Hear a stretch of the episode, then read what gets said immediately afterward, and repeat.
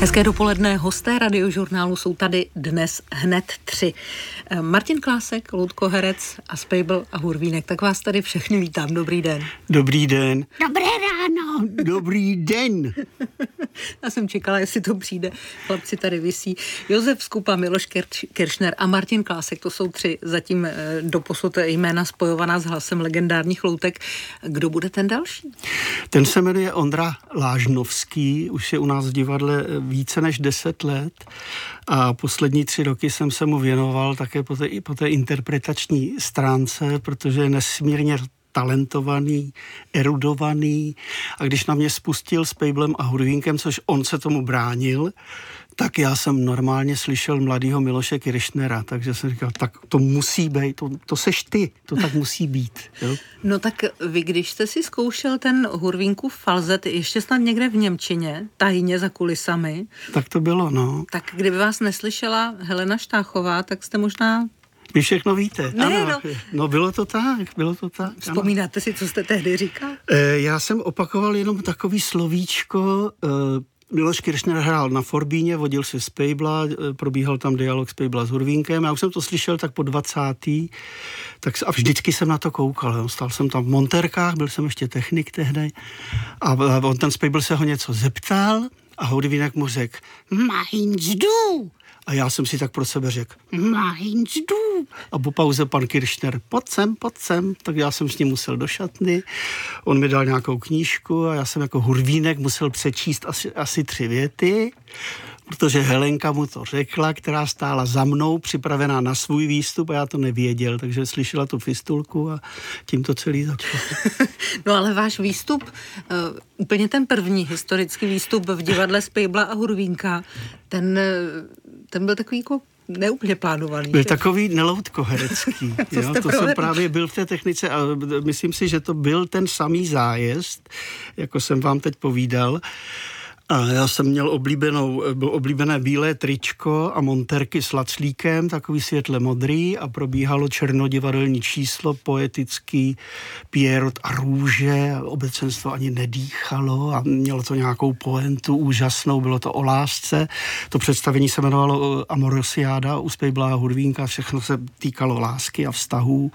No a už to číslo vrcholilo a v tom tím černým divadlem prošel blbec v bílém tričku a v monterkách.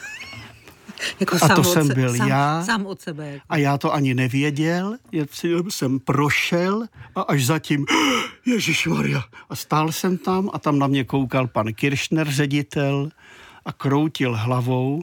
Přitom za to mohl on, protože na mě prstem zakýval, sem, pojď sem a chtěl po mně, abych mu přines minerálku. a do dneška možná někteří diváci přemýšlejí o té poentě, co to bylo s tím chlapem v tom bílém tričku a s tím pěretem. Umělecký no, záměr. Přesně prostě. tak. Láska má mnoho podob. Loutko herec Martin Klásek je dneska hostem radiožurnálu. S ním Spejbl a Hurvínek můžete se na ně podívat i přes naši webkameru.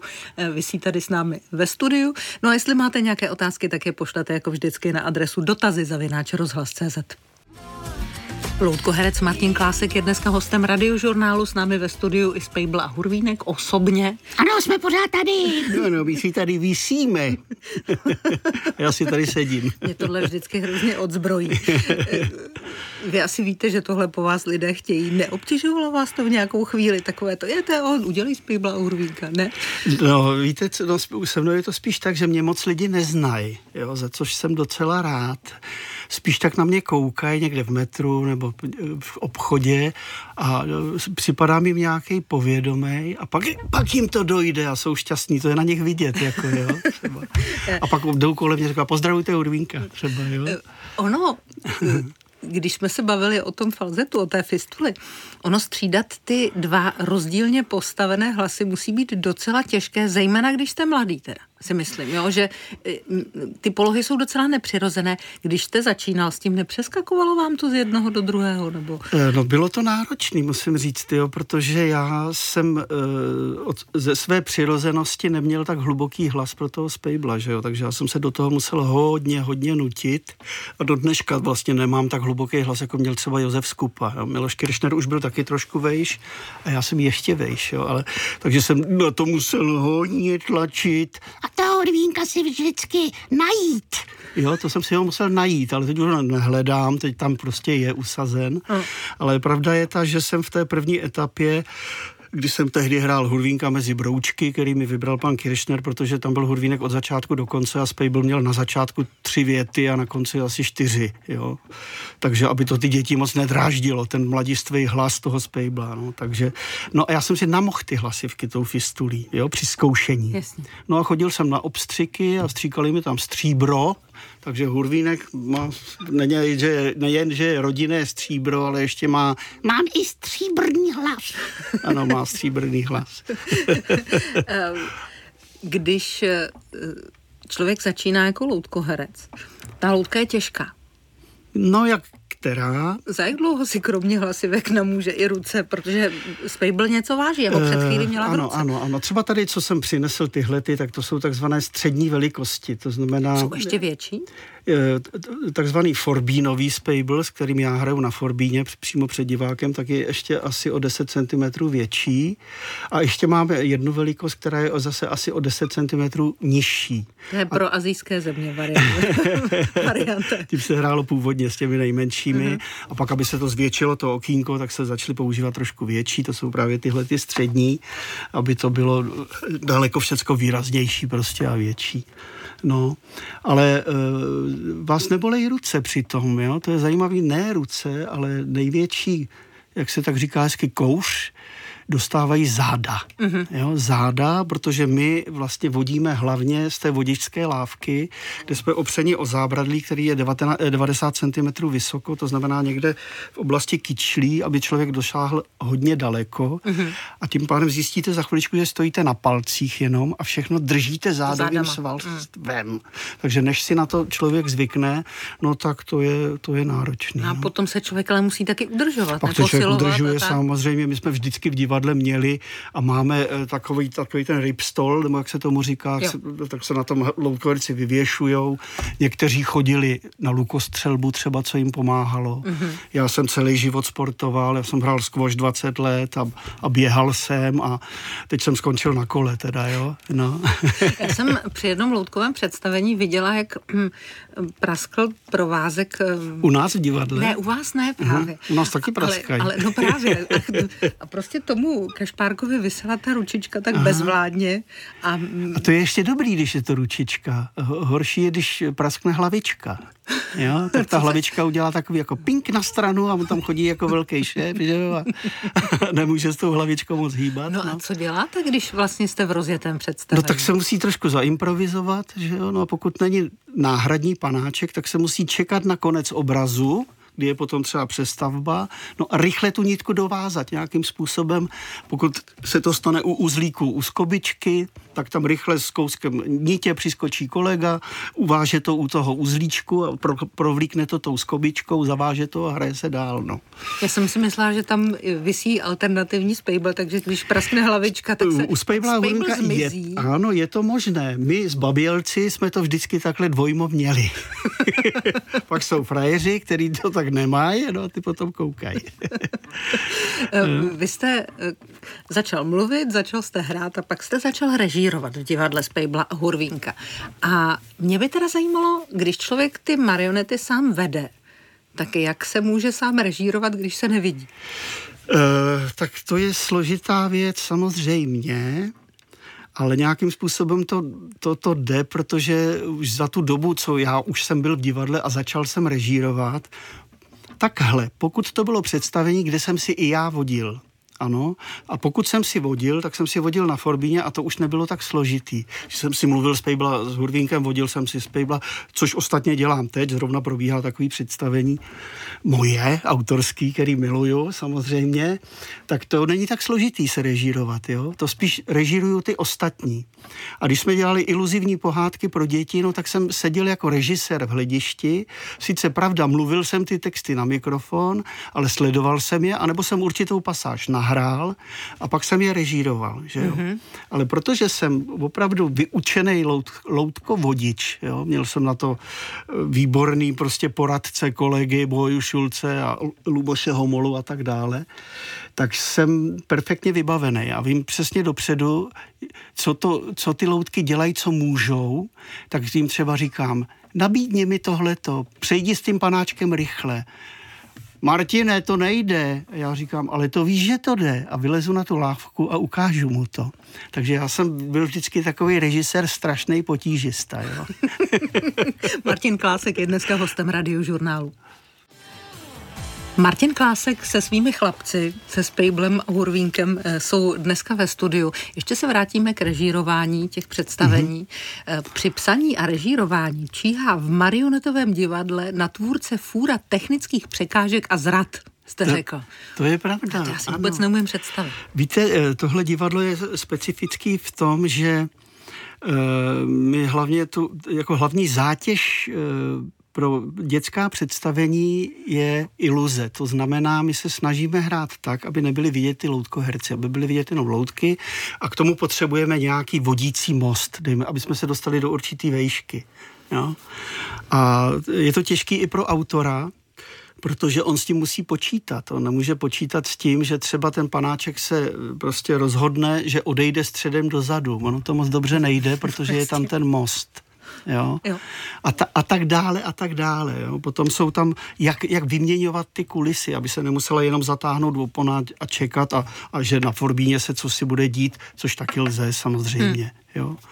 Ale je hezčí, když je to tak jako před ok... já, já jsem to tak chtěl vždycky, jo? aby ta kinetika se ukázala, aby, aby to jeviště se rozhejbalo, aby děti viděli, jak ty kulisy odjíždějí a přijíždějí a tak dále. Jo? No a pochopitelně v tom zákulisí to bývá vždycky velmi složitý, jo? když odjíždějí nějaký velký dekorace a musí se nasadit do toho místa ty další a zase musí přijet a všechno je to na hudbu. Takže to, co děti ne- nevidí, je, že v zákulisí probíhá něco no, šíleného. Něco šíleného. tam lidé. Ano, prostě ano, já jsem vždycky říkal, to by bylo dobrý to natočit a no. pouštět to ve foaje na obrazovku, co se vlastně v tom zákulisí děje. Když si s námi kamarádil Pavel Dostal, a on byl taky divadelník bývalý veliký, minister že kultury. Bývalý minister kultury, bezvadný člověk, on taky asi napsal 14 divadelních her, že jo. A on říkal, já musím k vám do toho zákulisí a to skutečně tam jednou takhle přišel a pak říkal, no tohle bych v životě nedal dohromady, jako co to hraní tam jako na to publikum, ale co se děje tady v tom zákulisí, neuvěřitelný. Eh, jak je to s proměnami? Eh, tady je Hurvínek, eh, pan Spejbl, to je jasné, ten prostě má za sebou bohatou historii a Hurvínek, mladý kluk, už má mobil. No pořád ho nemá. Jo? On ten pan Spejbl je takový tradicionalista. Ano. On prostě, jak já vždycky říkám, nemá rád tu bezdrátovou komunikaci. Hmm. Jo? Takže on je přes ty nítě a on to tomu chlapečkovi moc nedovoluje. Jo? Takže pokud ten hudvínek je někdy trošku progresivní, tak v tom, že třeba si dovolí říct třeba, že je něco cool. Jo? Jo, ale mobil nemá prostě. Ale mobil prostě nemá, chudinka. No.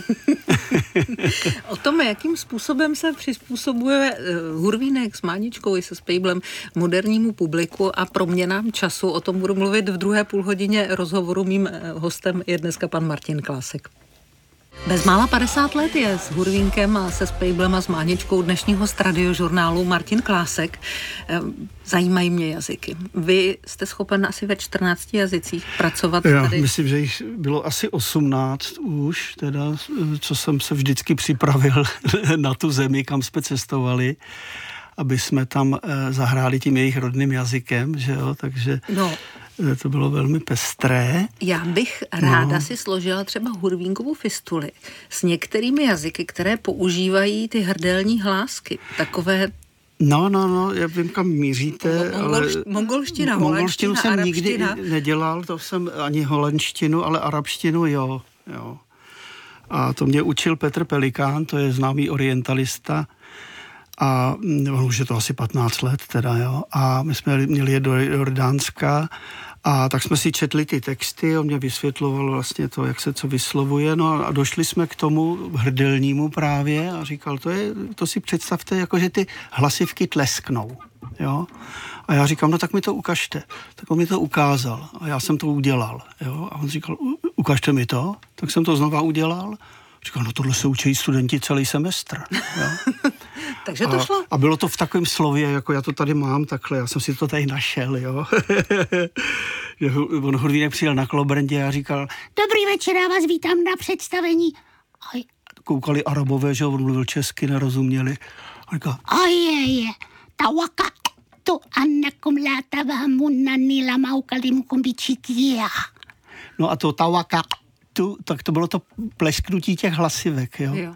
Takže vždycky, no a třeba ta čínština, větnamština, čínština čtyři eh, významotvorné tóny, eh, větnamština jich má sedm, to musíte dodržovat, takže je to takový pro Evropana velice eh, jaksi otrocký hraní, jo? protože když to popletete, tak se ta věta stane nesrozumitelnou, že třeba u té čínštiny, co jsem se tak dozvěděl, že jo, tak třeba každý slovo se vyskytuje čtyřikrát, Ano, protože jsou čtyři tonalita. tóny v jiných tónech a po každý znamená něco jiného. To můžete říct taky pěknou sprosťárnou. Takže můžete říct prostárnu něco, něco, co je tabu a prostě je to velký riziko.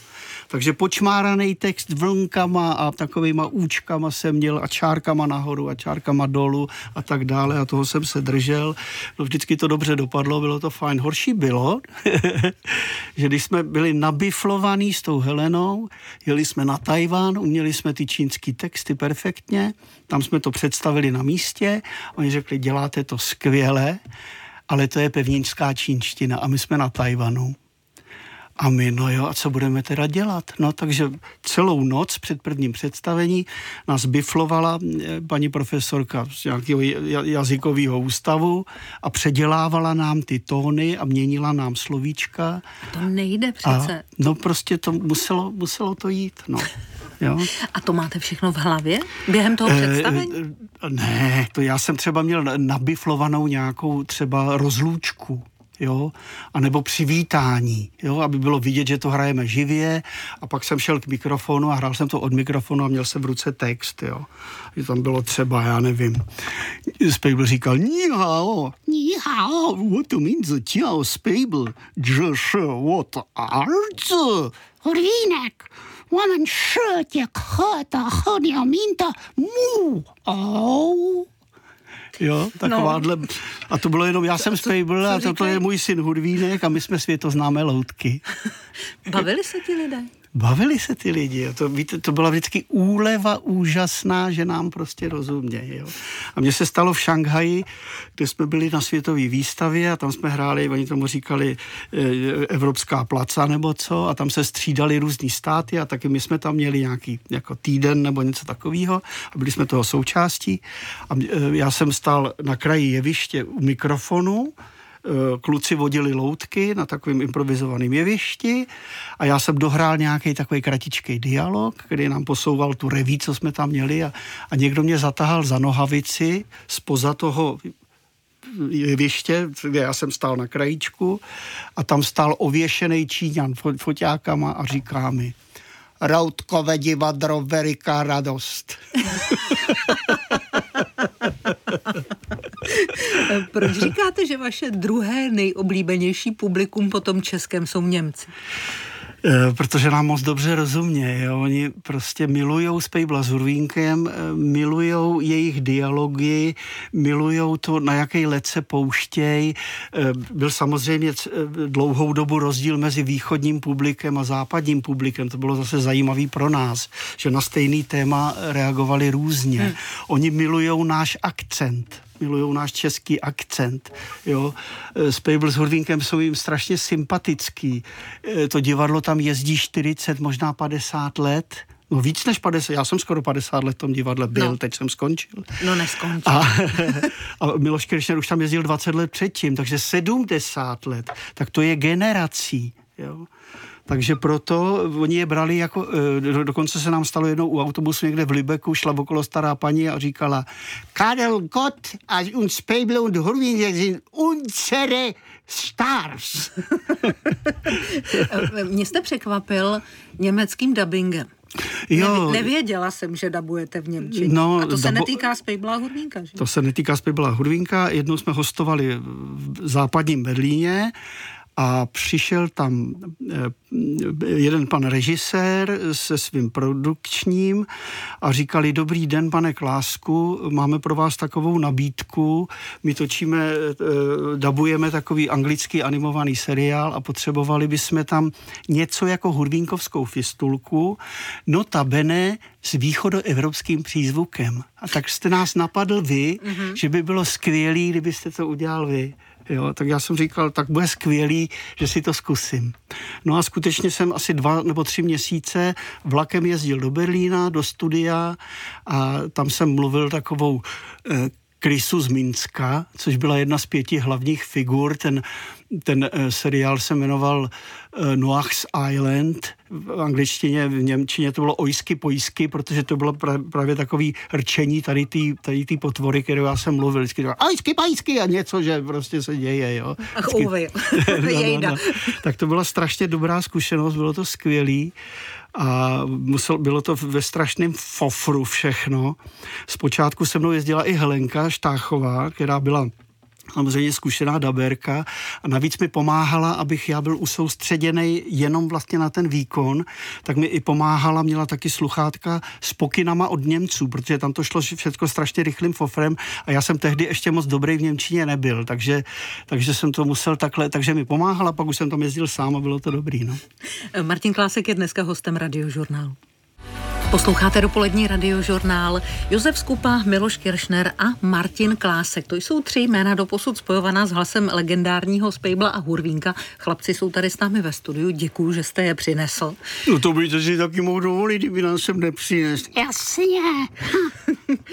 Martine, kolik vám toho zůstalo v hlavě? Z takových těch věcí, které jste se za život naučil, musel naučit, chtěl naučit? E, jako myslíte si při tvorbě? No, nebo... No, myslím, myslím no. prostě obecně. Mě, Uh, Ať už z raného dětství, nějakého vtloukání já, pásniček ve škole, třeba, anebo tady třeba, z Hurvínka. No, z Hurvínka, uh, tak některé věci pochopitelně si pamatuju Eh, ty v životě nezapomenu, co se, co se týká nějakých textů a dialogů, který jsem musel nabiflovat. Eh, když jsme mluvili o tom Německu třeba, jak si představte, že oni, oni mě hodili do vody, tenkrát pan Kirchner ještě byl, ale už byl hodně nemocný. A já jsem celé představení uh, si vodil právě po jeho vzoru z Pejbla na té Forbíně a drze jsem hrál ty dialogy z paměti v Němčině bez nápovědy a všecko klaplo a nikdy jsem se nesplet. Jo? Ale já to bifloval asi dva měsíce předtím a denně jsem si každý ten dialog, kterých bylo v tom představení osm, pět až osmiminutových, mm-hmm. prostě opakoval, že jsem to měl v, tý, v tom mozku zarytý a mám to tam do dneška, jo. Teď třeba z patra bych to neřekl, ale kdybych se na to jenom podíval, bych se rozjel, tak to normálně všechno odříkám, jo. Tak to je, to je asi tahle ta věc, no. Jak se proměňuje a... charakter Spejbla a Hurvínka eh, pohybově a vlastně... Je to s tím interpretem, určitě. Jo. Je to s tím interpretem. Uh, i, i ten vodič je v podstatě taky částečně interpret, že jo? takže taky má svůj prstoklad. A když jsme se bavili o tom režírování, já jsem poznal, kdo, kdo vodí. Jo, třeba na těch mých loutkohercích, protože má určitou maníru každý v sobě. Jo, jo? Jo. Já mám taky třeba maníru i v tom mluvení jo? že jsem rozpoznatelný samozřejmě u toho Kiršnera, u toho skupy a teď eh, nutím toho Ondru e, Lážnovského, aby on to hrál po svým a vybudoval si svoje maníry, i když divákovi je příjemný, když tam občas zaslechne něco třeba Skupovského že jo? nebo něco Kiršnerovského, mm-hmm. jo? což jsou ty šmankote a tohle, ale je to otázka té intonace, Jo? Po ten hudvínek, když začne být Takový naplakaný a začne mluvit takhle třeba, jo, tak už se, tak se dostaneme zpátky o pár let, takhle děti nemluvějí, mm-hmm. ale to publikum a toho posluchače to potěší. Jo? že si řekl, no, on takhle mluví, jako když já jsem byl malý, jako když jsem ho slyšel, když jsem byl dítě třeba. Jo? Říká ještě no. pan Spejbl ruku líbá milostivá? Uh, může říct, když má na to náladu, může říct. Paní Kateřině pochopitelně, když to mezi nimi jiskří nějakým způsobem. Když ona pozná, že on na to není vyřezán. Že? A, a budou, to, budou tomu ještě dnešní děti rozumět?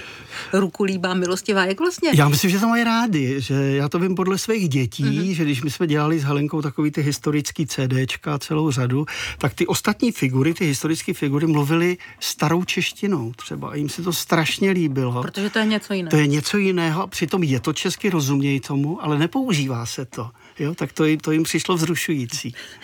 Když vlastně tvoříte nová představení, Přihlížíte k tomu, že ty děti vyrostly v nějaké klipovité době, která Určitě, si žádá samozřejmě. úplně jiný mm, tempo, jiný, rytmus Přesně a tak, tak, úplně přesně to říkáte, jo. Že to chce na tom jevišti dneska už trošku fofry, protože když ten obraz trvá trošku déle, už je tam neklid v tom hlediště a už, už by chtěli ak- akci, takže se jde taky víceméně víc po té akci, jo, aby měli něco koukat, no. Ale to vyžaduje u nás v divadle to perfektní zvládání těch marionet. Já si tak představuji Martina Kláska na penzi. Ano. A to, před... to už jsem tady takhle. No, takže to já si... vím, vy jste po bezmála 50 letech eh, se rozhodl, že skončíte, ale, ale v divadle hrajete. Hraju ještě eh, všechna večerní představení, to mě uprosili a hraju je rád, to já se na to vždycky těším a jsem tam ještě taky dozoruju vlastní režie, takže když eh, vracíme do repertoáru nějaké představení, který jsem dělal, tak tam přijdu a dávám si to do figury a tím vychovávám i ty nový herce, který tam jsou, že jo, samozřejmě mě, hmm. takže zůstávám ve spojení.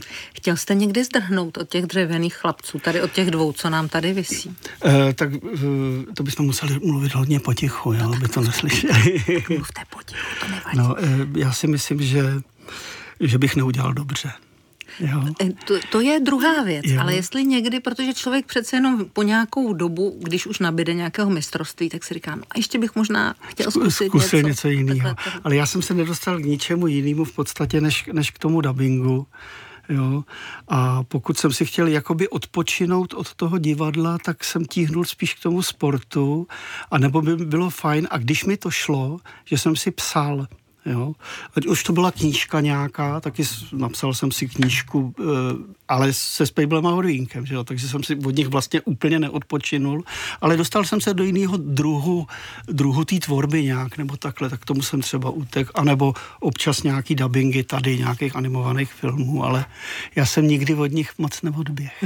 takže si představuju Martina Kláska na penzi, jak hraje večerní představení ano. a pak třeba sedí někde na chalupě na Šumavě a píše novou hru pro Spejba. Uh, a nebo něco pro sebe, nebo nějaký vzpomínky, nebo něco takového, a nebo má v ruce motorovou pilu a řeže dříví, což úplně zbožňuje. Mm. A když už toho má plný zuby, tak, tak skočí dla, na... Tak si dla bez ne, tak skočí na kolo a odjede. Jak moc eh, chcete ještě to divadlo supervizovat?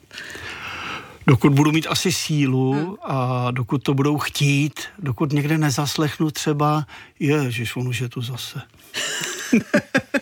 Jak dlouho to trvá vlastně? Vy, to, vy jste to prošel jako učedník vlastně od mm-hmm. 16 let divadlo od píky, než třeba tomu Ondrovi budete moct v klidu to celé nechat a říct si, jo, tak teď už to má. Já myslím, že už ta doba v podstatě nastala, protože on nezačal tak brzo jako já ale vlastně on je o 20 let mladší než já, takže 45. Před, po, po té 40 jsme na tom začali pracovat, takže už jako zralej herec, už ví, co chce a já, já jsem mu jenom radil a odstraňoval jsem mu špatné návyky, aby se mu nestaly špatné návyky, takovýhle věci, aby Hurvínek nebyl protivný, aby ten Spejbl byl ten laskavý otec pořád, hmm. jo, ale on musí jít svojí cestou a on na to má. Myslíte si, že něco ze Spejbla a Hurvínka je ve vás, Martine? Asi to tak musí být, jo? že taková ta hravost toho dětství, to se s tím Hurvínkem úplně snoubí a ono vlastně vůbec to loutkový divadlo je takový, že, že je člověk, že to musí dělat hravý člověk, jo? To, to jinak nejde. Martin Klásek byl hostem radiožurnálu, tak děkuji za upřímnost, děkuji za návštěvu vám i chlapcům a přeju ještě spoustu dobrých představení a radosti. To mám radost taky a děkuji moc za pozvání. My taky děkujeme. A člomrdíci. Mějte se moc prýma. Lucie Výborná od mikrofonu přeje dobrý den, hezký víkend, ať se vám daří.